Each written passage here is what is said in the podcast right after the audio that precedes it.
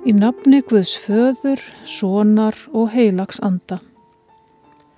Heyrum orð úr fyrra kórindubrefi, kabla 3, versum 16 til 17. Viti þið eigi að þið eruð mustri Guðs og að andi Guðs býr í ykkur. Ef nokkur eigðir mustri Guðs, mun Guð eigða honum, því að mustri Guðs er heilagt og þið eruð það musteri.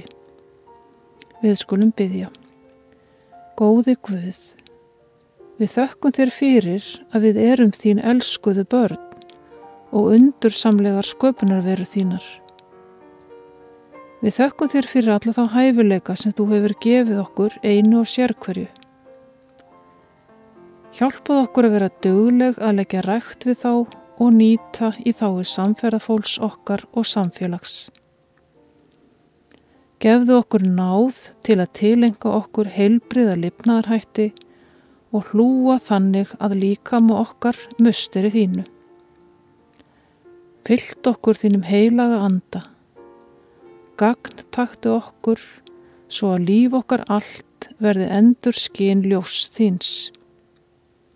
Lýstu þannig gegnum okkur að sér hver maður sem á vegi okkar verður megi finna návist þína í líf okkar. Vertu hjá okkur þar til við förum að lýsa af ljósi þínu og lýsum þannig að það verði öðrum til gags og gleði. Ljósið kemur frá þér, Jésús, en ekki okkur. Látt okkur fá að lofa þig á þann hátt sem þú elskar mest, með því að lýsa öðrum sem umhverjus okkur eru. Vertu Guð Fadir, Fadir minn, í frelsarans Jésu nafni. Hönd þín leiðir mig út og inn, svo allri synd ég hafni. Í Jésu nafni. Amen.